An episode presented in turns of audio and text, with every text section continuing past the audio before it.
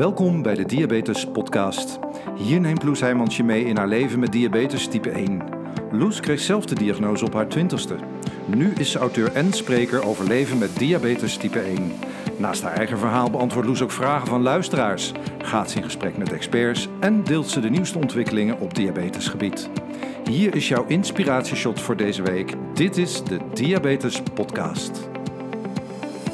Hey, hallo. Fijn dat je luistert naar weer een nieuwe aflevering van de Diabetes Podcast. Aflevering 8 alweer.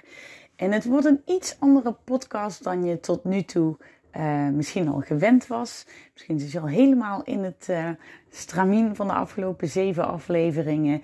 Met um, ja, leuke interviewkandidaten, vragen, antwoorden, noem maar op. Um, maar ja, goed, we hebben er nu zeven afleveringen op zitten. En ik uh, vond het bij nummer 8 tijd om het uh, eens iets anders in te steken. Maar ook qua uh, onderwerpen. We hebben natuurlijk over praktische onderwerpen gehad. Wat doe je met insuline op reis? Wat vertel je op je werk over een hypo of over je diabetes überhaupt?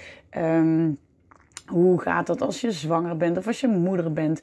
Nou, noem maar op. Er zijn er heel wat onderwerpen de revue gepasseerd. En uh, ja, dit wordt ietsje anders. Um, voor mij ook wel spannend, maar uh, we gaan gewoon van start. En, uh, en ik ben heel benieuwd straks naar jullie reacties. Trouwens, wist je dat de meeste podcasters stoppen na zeven afleveringen? Dus dat is sowieso al reden voor een feestje dat, dat nummer 8 hier is. En um, nou ja, voor mij ook alweer een reden om, uh, om dankbaar voor te zijn. En dan heb ik meteen um, het bruggetje naar het onderwerp van deze podcast. Want ik ga het vandaag met jullie hebben over de kracht van dankbaarheid en vergeving. En dan denk je misschien, ja, uh, wordt dit nou zo'n hele zweverige spirituele aflevering? Ik denk van niet. Uh, ik denk dat het een hele toffe aflevering wordt. Dus luister, uh, luister vooral met me mee. Um, het zijn namelijk twee dingen, dankbaarheid en vergeving, die mij niet alleen in mijn diabetesleven, maar ook in mijn uh, leven, wat er overblijft naast uh, diabetes, enorm helpen. En ik kwam maar jaren geleden eigenlijk voor het eerst mee in aanraking. Ik startte mijn eerste bedrijf in 2009. Dus dat is zo'n 11 jaar geleden. En uh, dus toen startte ik met ondernemen. Ik was toen 25. En ik kwam toen ook in aanraking um, ja, via het ondernemen met diverse coaches. Maar ook met hele andere dingen uh, dan die ik tot dat moment toe uh, gewend was in mijn, um, ja, vanuit mijn studerende of mijn werkende leven. Ik kwam namelijk met dingen aanraking die veel meer gingen over persoonlijke ontwikkeling. Dus niet meer over uh, ja, de ontwikkeling van je kennis, hè, steeds meer kennis opdoen. Of bij het eerste bedrijf waar ik werkte, Tempo Team, uh, mijn sales uh, kwaliteiten ontwikkelen en, en, commerciële trainingen volgen. En um, hè, al die hele praktische dingen. Maar toen ik ging ondernemen, toen kwam ik echt op dat uh, stuk van uh, persoonlijke ontwikkelingen. En dat vond ik toen al super interessant. En dat is eigenlijk een reis die, um, ja, denk ik, mijn hele leven door blijft lopen. Omdat ik het heel erg mooi vind. Ik doe eigenlijk niets liever dan mezelf te blijven ontwikkelen. Ook natuurlijk in dit soort dingen als, uh, nou, podcasten lijkt me tof. Weet je wat, dan ga ik podcasten. Vind ik ook horen bij persoonlijke ontwikkeling. Um, ja, maar ook op grotere thema's, dus zoals dankbaarheid of, uh, of vergeving. Als ik kijk naar mezelf, dan ben ik iemand die altijd vooruit wil. Mensen die mij wat beter kennen, die zullen dat ook beamen. Ik uh, zet een bedrijf op, ik zet er nog een bedrijf op. Ik schreef een boek, ik schreef daarna nog een boek. Ik had weer een nieuw business idee en zo ga ik altijd maar door. En daar is natuurlijk niks mis mee. Dat maakt me ook tot de ondernemer die ik, uh, die ik ben. Maar het is ook wel de kunst om af en toe uh, stil te staan bij wat er allemaal al is natuurlijk. En um, het was een aantal jaar geleden dat ik um, bij een coach was die mij de kracht van dankbaarheid leerde. Ik heb daar nog even iets over opgezocht, want dit is ook bewezen uit, uit onderzoeken. Hè. Dan gingen ze um, twee verschillende groepen uh, laten opschrijven. De ene groep schreef op van, uh, goh, waar ben je vandaag dankbaar voor? En dat dan een aantal dagen of weken lang. En de andere schreef op van, goh, wat, wat was er nou vandaag vervelend? Of wat heb je als een last ervaren? En um, wat ze toen getest hebben is uh, het geluksgevoel dat die groepen uh, ervaren. En dat is dus ook echt, daar kwam ook echt uit naar voren dat de groepen die opschreven waar ze dankbaar voor waren, dus die met positieve gedachten bezig waren, um, ja, dat die ook echt een groter geluksgevoel um, ervaarden. En nou zou je misschien denken, ja, de, dat is toch logisch. Maar breng jij het al in de praktijk? Denk daar eens over na. Hoe vaak sta jij daarbij stil? Uh, de echte dingen waar je dankbaar voor bent. Ik bedoel, het is geen hogere wiskunde. Um, wat ik toen van mijn coach leerde, zij zei van, nou, goh, neem eens, um, pak een mooi schrift, een boekje en leg dat op je nachtkastje. En schrijf nou iedere dag, uh, voordat je gaat slapen, iedere avond, schrijf dan eens gewoon vijf dingen op waar je die dag dankbaar voor bent. En um, ervaar eens wat dat met je doet. Dus ik, uh, ik ging dat doen. En ik heb nog steeds een, een schriftje op mijn nachtkastje liggen. En ik schrijf er heus niet elke dag in. Er zijn ook uh, dagen dat ik het vergeet of dat ik te moe ben. Als ik geen zin heb om te schrijven, dan doe ik het ook wel eens tijdens een meditatie. Um, en ook daar hoef ik nou weer geen hele lange meditatie voor op te zetten. Maar ik kan ook als ik gewoon in bed lig, vlak voordat ik ga slapen, mijn ogen al dicht heb en gewoon denk: Goh, waar was ik nou vandaag? dankbaar voor. En ik ging die oefening dus echt um, ja, heel vaak doen. En het is ook mooi, want ik heb al die schriftjes bewaard. En dan kan ik nu wel eens terugbladeren en denk ik, goh, waar stond ik twee jaar geleden en waar was ik toen dankbaar voor en wat viel me toen die dag op? En om je een paar voorbeelden te geven, als je dit als je denkt van ja, wat is dit voor iets? Ik, wat moet ik me daar dan bij voorstellen? Um, je kan dus voor hele kleine dingen al dankbaar zijn. Ik bedoel, ik haal ook zakelijk gezien echt niet iedere dag uh, tien grote opdrachten binnen. Ik bedoel, dat is makkelijk om dankbaar voor te zijn.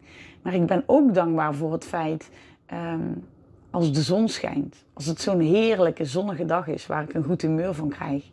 Of als er weer uh, drie verse courgettes aan de courgetteplant in de tuin hangen. Nu uh, in dit fijne zomerweer.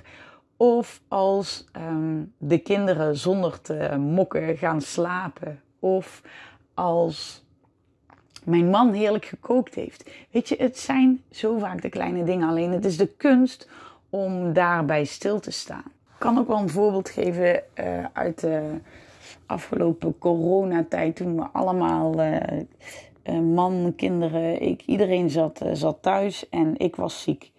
Um, en ik zat, het was heel fijn weer in die weken. En ik zat beneden in de woonkamer, me niet lekker te voelen. En mijn man was buiten, Remco was buiten aan het spelen met de kinderen. Dus ik hoorde van, die, van die vrolijke kinderstemmetjes en Remco zijn stem er doorheen. En ze waren aan het lachen en aan het voetballen. En ik hoorde ze buiten en ik zat daar binnen in een hoekje van de kamer. En ik voelde me echt, ik voelde me echt slecht. En um, ik had daar dus uh, kunnen blijven zitten en mezelf heel zielig kunnen vinden. Van ja, zij zijn buiten en zij hebben zoveel lol en ik zit hier binnen en ik voel me niet goed. En zij hebben zoveel plezier terwijl ik me hier niet lekker voel. En nou ja, goed, die gedachten hadden er kunnen zijn. Maar dat had me waarschijnlijk niet heel veel uh, verder gebracht en me al zeker niet beter laten voelen. En uh, toen ging ik heel bewust zo'n dankbaarheidsoefening doen. En ik dacht, ik ga nu hier ter plekke tien dingen bedenken waar ik op dit moment dankbaar voor ben. En ik dacht, buiten schijnt de zon. En ik voel hier binnen de warmte van de zon op mijn gezicht. Dat was al één. En ik ging verder. Nummer twee. Ik hoor buiten mijn man voetballen met de kinderen en ze lachen, gieren, brullen en ze hebben de grootste lol. Wat heerlijk, wat fijn om daar dankbaar voor te kunnen zijn. En tegelijkertijd dacht ik, nummer drie, ik heb gewoon twee gezonde kinderen. Hoe fijn is dat en hoe dankbaar mag ik daarvoor zijn? nummer vier. Ik dacht, we hebben hier, we zitten in de situatie dat we aan homeschooling moeten doen. Maar hoe fijn dat dat vanochtend weer goed ging. En uh, dat iedereen er zo goed mee omgaat. En meteen kwam nummer 5 bij me op. En iedereen is nog gezond in het gezin. Behalve dat ik me dan niet goed voelde.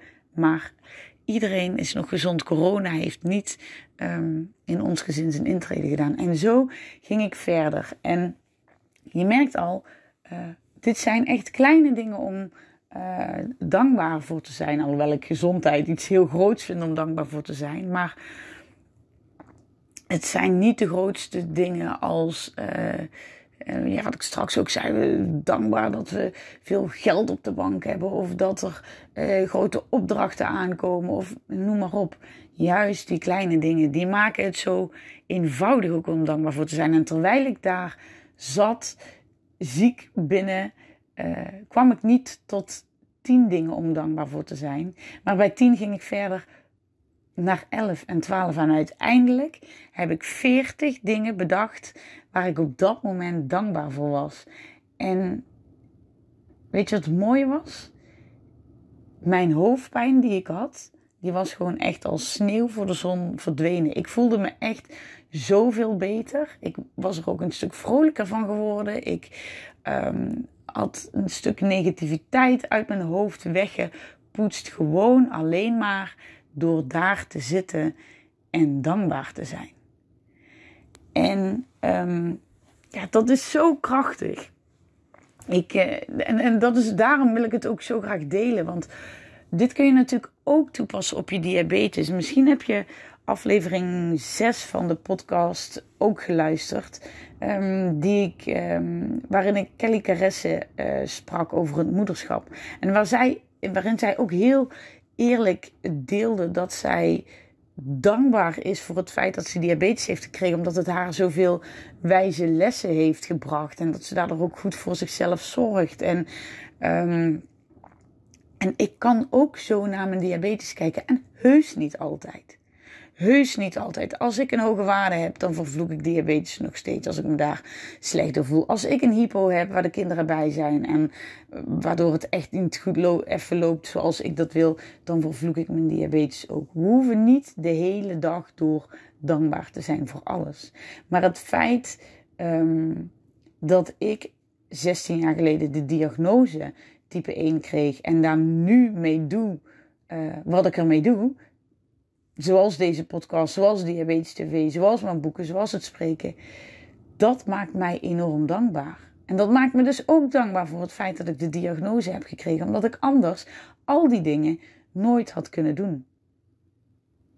Dus het, geeft je heel veel lucht en ruimte om op die manier ergens naar te kijken. En ik zou je echt, ja, het heeft mij zoveel gebracht dat ik je echt zou willen aanraden of gewoon probeer het eens. Leg eens dat schriftje in je nachtkastje. En ga vanavond als je gaat slapen gewoon eens vijf dingen opschrijven waar jij vandaag dankbaar voor was. En kijk eens wat dat met je gemoedstoestand doet als je dat vandaag doet en morgen weer en overmorgen.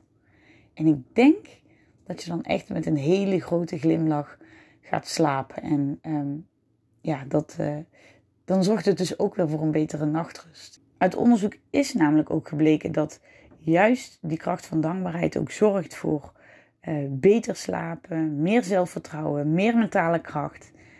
En ook dat laatste kunnen we allemaal maar gebruiken met diabetes, toch? Mentale veerkracht. Denk het wel. En nou, ik heb het dan nu over die dankbaarheid hè, opschrijven of in gedachten zeggen. Maar je kunt dat natuurlijk ook in het dagelijks leven nog uh, veel meer toepassen dan dat je dat misschien nu al doet kijk eens wat het doet als jij dankjewel zegt in de supermarkt. Als jij dankjewel zegt op straat. Als iemand nu in coronatijd voor jou plaats maakt. Uh, dat contact met anderen, al is het maar een glimlach, een knikje, een dankjewel. Dat, maakt, dat geeft je echt een goed gevoel. Um, dus dat uh, ja, maakt de wereld ook weer een stukje mooier. Nou, en ik heb het dus niet alleen vandaag over de kracht van dankbaarheid, maar ook over de kracht van vergeving. En um, dit is iets wat ik nog niet zo lang geleden leerde. Ik heb een coaching gevolgd bij um, business coach Sarayda Groenhart. Toevallig is daar ook laatst nog een podcast over uh, voorbij gekomen. Zou je kunnen luisteren bij de Sarayda podcast. Heel erg tof gesprek geworden, waarin ik midden in het interview een hypo had overigens. Maar goed, dat terzijde. Zij is de afgelopen half jaar mijn business coach geweest en wij hadden um, twee keer per maand een call met nog uh, elf andere ondernemers. En uh, ja, daarin coachte zij ons heel praktisch, hè, op echt um, op het gebied van ondernemen, maar ook juist op die persoonlijke groei en ontwikkeling. En ik kan me nog zo het moment voor de geest halen dat we um, samen in een Zoom-sessie zaten en Zaraida begon over de kracht van vergeving. De kracht van vergeving, dat het zo belangrijk is dat als er issues spelen, en of dat nou op zakelijk gebied of op persoonlijk gebied is, als jij met iemand of iets een conflict hebt of um, ja, ruzie, struggles, dat het zo belangrijk is om diegene te vergeven, omdat je daarmee um, ja, blokkades weghaalt, omdat er dan weer uh, energie en positieve energie gaat stromen en dat dat gewoon heel belangrijk is in je leven. En um, nou, we gingen daarop ook een oefening loslaten. Hè, van bedenk nou eens uh, welke issues er nog spelen, wie jij moet vergeven. En daar gingen we mee aan de slag. En ik was al aan het denken, want nou, ik heb gelukkig uh, weinig tot geen issues met, met mensen om me heen. Maar toen zei ze, Raida, maar het kan ook zijn dat uh, je jezelf moet vergeven. Dat je altijd heel streng bent voor jezelf. Of dat je jezelf bepaalde dingen oplegt. Dat... En toen ging ik daarover nadenken. En toen viel er bij mij het spreekwoordelijke kwartje. En misschien is dit ook goed dus om bij jezelf na te gaan van goh, waar uh, kun jij jezelf voor vergeven? En ik dacht ja, um, ik mag dan wel de afgelopen jaren de nodige sessies hebben gehad bij psychologen rondom mijn diabetes en het moeilijk accepteren daarvan en het altijd hebben van een oordeel daarop. Um, en dat heeft me, die gesprekken hebben me heel veel geholpen. Maar ik merk dat ik nog steeds, als ik op een waarde, nou, ik zou zeggen, as we speak, zit ik op een waarde van 14,7. En je kan zeggen wat je wil. Voor mij voelt dat nog steeds ergens een beetje als falen. En, um, maar wat gebeurt er nou als ik mezelf daarvoor vergeef. Want hé, hey, ik heb met de beste bedoelingen van de wereld vanmiddag mijn boterhammen gegeten, mijn koolhydraten geteld, daar insuline voor toegediend. Um, ik kan nu ook uh, herleiden waar het toch komt dat ik nu wat hoger zit. Want ik voel, ik had nog een boterham daarna, vulde daar koolhydraten voor in en mijn Loop-app uh, gaf aan: je hebt nog voldoende insuline, daar hoeven we geen insuline voor toe te voegen. Ik dacht, heel eigenwijs. Ja, misschien moet ik dat toch doen. Maar daarna dacht ik ook, de Loop-app zal het wel weten, dus laat ik maar eens naar hem luisteren. Nu denk ik, had ik dat maar even niet gedaan, had ik toch maar wat extra insuline toegediend, had ik nu niet op 14 gezeten. Waarbij je ook meteen hoort, ook de Loop-app is niet heilig. Maar goed, ik kan dus nu denken, ja, 14.7, stom van je Loes, want dat had je natuurlijk kunnen voorkomen. En daar zit het hem precies. Als ik toch iedere moment van de dag um, zo denk, dan zit ik dus de hele dag te mopperen op mezelf en boos zijn, te zijn op mezelf, omdat mijn waarden niet perfect zijn. En toen Zarayda die opdracht met ons deed, waar mag jij jezelf voor vergeven? Dacht ik, ja, ik mag telkens als ik een hoge of een lage waarde heb, waar ik zelf een oordeel over heb, dus waarbij ik zelf denk, zie je wel Loes, dit was niet nodig geweest, op die momenten mag ik mezelf vergeven. En ik ging voelen wat dat met me deed. En ook nu, ik zit op 14,7, maar ik vergeef mezelf daarvoor. Ik heb gedaan wat ik kon. Ik heb naar eer en geweten gehandeld. Ik heb het beste met mijn eigen gezondheid voor. Dus ik heb er niet opzettelijk voor gezorgd dat ik nu op 14,7 zit. Ik vergeef mezelf voor het feit dat mijn waarde nu niet binnen streefbereik ligt. En dit geeft zoveel rust. Je hoeft niet boos te zijn op jezelf als het even niet binnen streefbereik is. Ja, het had misschien voorkomen kunnen worden. En ja, als je je dat had gerealiseerd, had je het wel gedaan. Hoeveel energie moet het niet kosten voor ons, mensen met diabetes, om constant onszelf te veroordelen op die cijfers? En je kunt zeggen, het is maar een cijfertje, maar aan die cijfers hangt bijna altijd een gevoel aan vast. Ik voel me niet hetzelfde in mijn hoofd bij een waarde van 12 dan bij een waarde van 6. Bij 6 denk ik toch, yes, lekker bezig. Bij 12 denk ik, hm, toch jammer, had beter gekund. Maar daar probeer ik dus nu, en dit is voor mij een proces waar ik middenin zit, um, want het lukt echt nog niet altijd, maar dat proces van vergeving, ik denk dat dat heel erg sterk is. En ik moet eerlijk zeggen, toen ik het de eerste keer deed bij Zahaida en toen ik dacht, ook dit wil ik de mensen leren, dit wil ik de mensen meegeven. Toen rolden de tranen over mijn wangen. Omdat ik denk dat we zo streng voor onszelf zijn. Um, ja, natuurlijk is het fijn als je waarde tussen de 4 en de 8 ligt. Maar hé, hey, we zijn mensen, we zijn geen robots. Dus het lukt ook heel vaak niet. Maar veroordeel jezelf daar niet voor en wees lief voor jezelf. En geef jezelf de ruimte om, um, ja, om jezelf daarvoor te vergeven. En dan weer door. En nu ga ik van mijn 14,7 weer toch een beetje insuline toedienen. En we gaan weer zakken en we zien wel waar het dadelijk uitkomt. Stevend het op een hypo af, hoop ik alsnog dat mijn loop-app op tijd ingrijpt. En zo niet, ga ik even wat eten.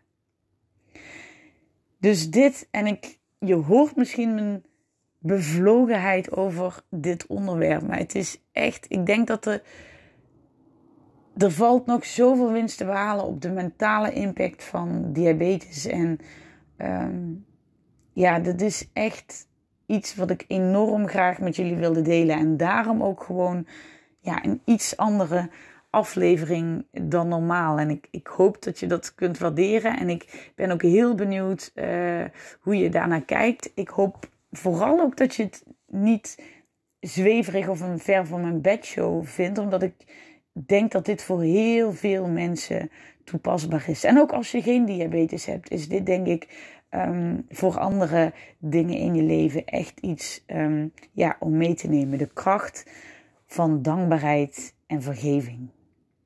En als toetje een gedicht van bitter zoetje. Nou ja, en het is af en toe alsof Steffi aanvoelt welke onderwerpen er in de Diabetes Podcast uh, aan bod gaan komen. Natuurlijk hebben wij ook regelmatig eh, contact en zegt ze: als je over een specifiek onderwerp een gedicht nodig hebt, dan laat het me weten. Maar dit was er zo één. Uh, die, nou ja, op de dag dat ik dit opneem, kwam Steffi ook met dit gedicht op Instagram. als je het hebt over dankbaarheid en over vergeving, um, nou, ik vond hem heel toepasselijk, want dit schreef Steffi over diabetes. Jij bent mijn schaduw, willen of niet. Helemaal vergeten kan ik jou niet. Overal waar ik ga, ga jij met me mee. In mijn hoofd zijn we altijd met z'n twee. Soms stap ik wat sneller, maar ik raak jou nooit kwijt. Want een schaduw die volgt voor eeuwig en altijd ja, de diabetes als je schaduw. Ook heel herkenbaar, denk ik, voor velen. Nou, dit was aflevering 8 van de Diabetes Podcast. En ik ben zo benieuwd wat, um, ja, wat dat stukje dankbaarheid en vergeving, wat je daarvan vindt, hoe je daarnaar kijkt, of je er iets aan hebt, of je er iets mee gaat doen. Uh, ik zou het ontzettend tof vinden als je dat met me wil delen. En dat mag natuurlijk in een DM uh, op Instagram, loes.doe mij maar diabetes. Je mag me op Facebook een berichtje sturen. Je mag me mailen info.loesheimans.nl Ik ben gewoon heel benieuwd um, ja, of je er iets aan had. En wat je vond van deze anders dan anders insteek van de Diabetes Podcast. Ik zou het ook ontzettend tof vinden als je een like of een review geeft in de podcast-app waarmee je luistert. Volg het op Spotify en zeg het vooral door. Maak een screenshot als je luistert. Tag me op Instagram. Ik eh, word echt enorm blij van al die berichtjes die ik eh, voorbij zien komen. Maar ik zou het ook super tof vinden als er nog meer luisteraars komen. Omdat ik denk dat er nog heel veel moois te delen valt. En ik het eh, ja, ontzettend gaaf vind als ik dat met zoveel mogelijk mensen kan delen. Zegt het voort dus, de Diabetes Podcast. En voor nu wil ik je super erg danken voor het luisteren. En ik zeg graag tot de volgende keer.